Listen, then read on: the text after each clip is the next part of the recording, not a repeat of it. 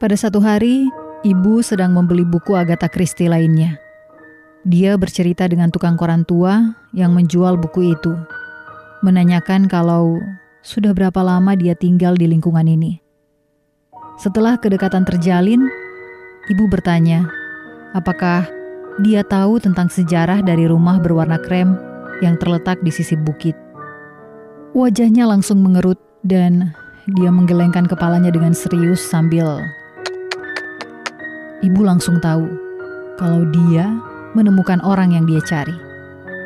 Orang tua itu menjelaskan kalau sekitar 10 tahun lalu ada sebuah kultus hippie pengguna obat-obatan yang bermarkas di rumah itu.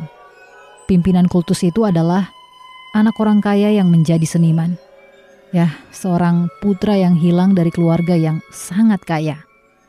Dia cukup karismatik dan mendapatkan sekelompok kecil pengikut yang tinggal dengannya di rumah itu. Pada awalnya, hal terburuk yang mereka lakukan hanyalah membuat keributan dan tetangga yang kesal melaporkannya ke polisi. Ada juga desas-desus yang mengatakan kalau mereka melakukan pesta seks dan obat-obatan di mana sang pimpinan mengklaim kalau yang dilakukannya adalah semacam ritual untuk penyadaran spiritual. ya, bukan hal yang baru.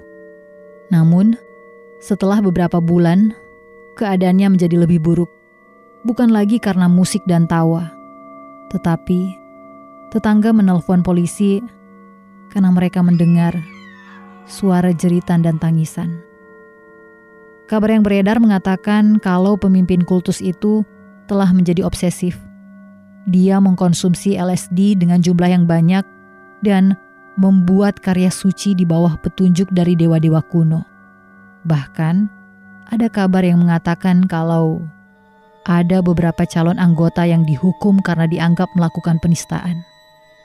Entah apa pun maksud dari itu, ada juga beberapa dari mereka yang dikunci di dalam lemari selama beberapa hari. Aku harap itu bukanlah lemari tua kokoh yang ada di kamarku. Tetapi ternyata itu memang lemariku. Seperti yang pernah kukatakan, meskipun ibu tidak menganut satu agama secara spesifik, dia sangat percaya dengan akhirat. Dan meskipun ibu tidak tahu kalau mereka itu hantu, iblis, atau apalah itu, ibu yakin kalau makhluk yang tak kasat mata tersebut bisa memengaruhi kehidupan orang normal. Cerita-cerita yang dikatakan oleh tukang koran tersebut sudah cukup untuk membuat ibu khawatir. Jadi, ibu memutuskan kalau ada sesuatu yang harus dilakukannya. Pertama-tama, dia mengumpulkan aku dan Joy dalam satu ruangan dan menanyakan apakah kami mengalami kejadian aneh. Pada awalnya, kami ragu untuk bercerita. Kami merasa malu. Tetapi, ketika dia bercerita tentang suara-suara di genteng dan pada jendela, aku langsung merinding. Aku menceritakan kalau pintu yang mengarah ke ruangan di bawah tangga itu terbuka dan mendeskripsikan karya seni pada dindingnya. Ibu mengangguk dan menceritakan pada kami tentang seniman gila yang membuat rumah ini sebagai tempat pemujaan untuk kepercayaannya yang aneh. Semua cerita itu membuat Joy ikut berbicara, dan dia pun menceritakan kisahnya. Meskipun terdengar aneh, tetapi setelah menceritakan semua itu, kami merasa lega. Itu seperti pengalaman bonding dengan keluarga.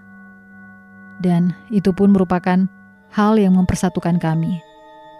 Kami pun memikirkan solusinya. Langkah pertama yang kami sepakati adalah kami harus mengecat pintu dan menutup gambar mata yang mengganggu tersebut. Mungkin itu merupakan tindakan yang agresif untuk makhluk apa pun yang sedang berbagi rumah dengan kami.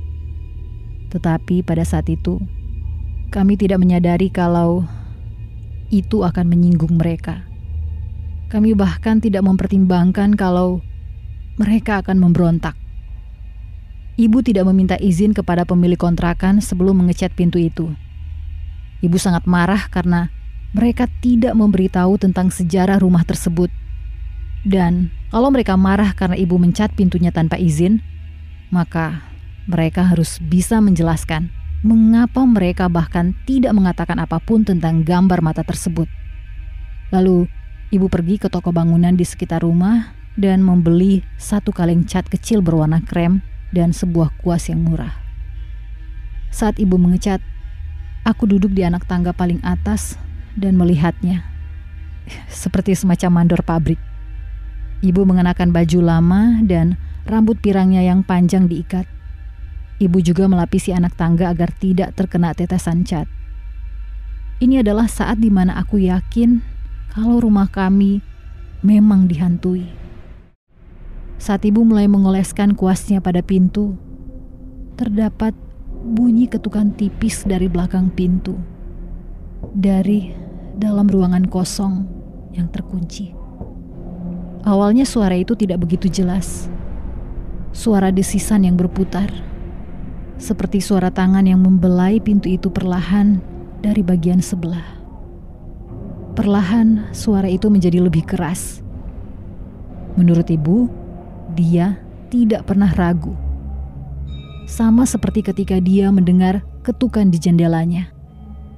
Ibu menolak untuk menghiraukan apa pun yang ada di balik pintu dan terus mengecat.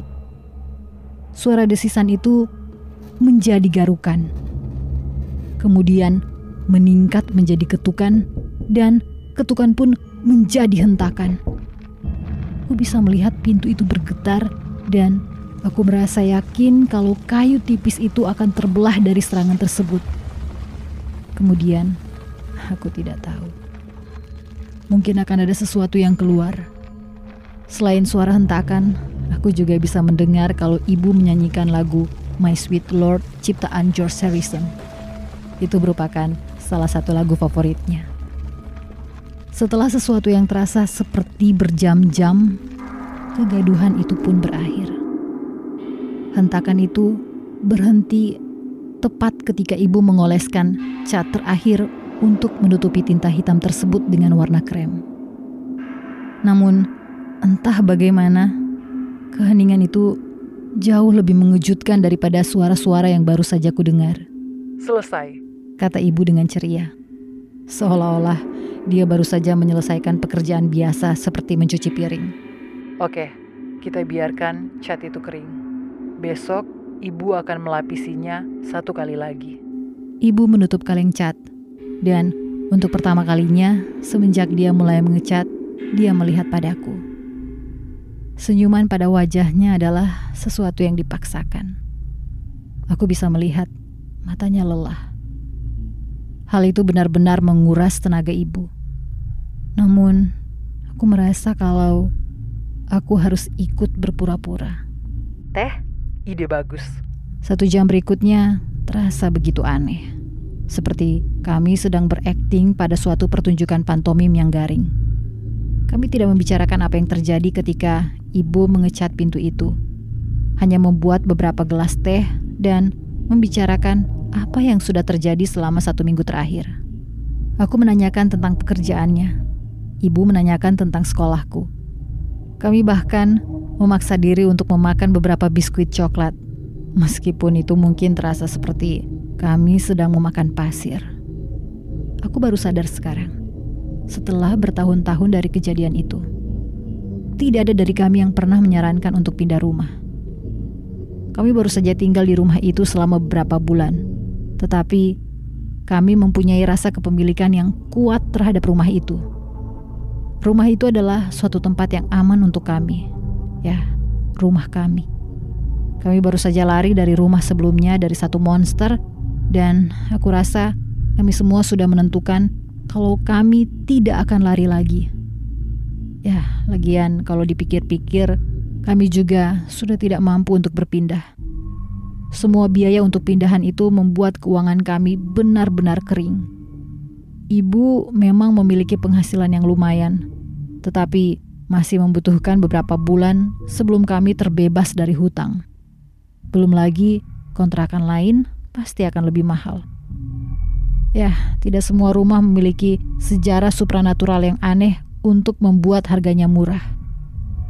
Aku yakin banyak dari kalian yang berpikir kalau kalian akan tetap pergi dari rumah itu. Aku bisa mengerti. Tetapi lebih dari tekad kami untuk merebut kembali rumah tersebut dari makhluk apa pun yang ada di sana, kami memang sudah tidak mampu untuk pindah. Bahkan jika kami mau sekalipun, kami hanya memiliki dua pilihan: bertahan atau menjadi gelandangan. Jadi, kami bertahan. Kami menikmati beberapa hari yang tenang dan damai, tetapi ketika kami berpikir kalau solusi sederhana yang kami lakukan itu berhasil, aku diserang. Aku tidak tahu mengapa makhluk itu mengincarku. Ya, secara fisik, aku memang yang paling kecil dan aku tahu kalau secara tradisional, kejadian poltergeist selalu dihubungkan dengan anak remaja yang lebih muda. Namun sebenarnya, aku tidak benar-benar tahu. Mungkin itu terjadi secara acak. Mungkin akulah yang paling lemah. Mungkin aku tidak akan pernah tahu jawabannya. Apa pun itu, sebaiknya aku kembali dengan ceritaku. Seperti yang ibu katakan, dia melapis cat itu satu kali lagi setelah hari pertama.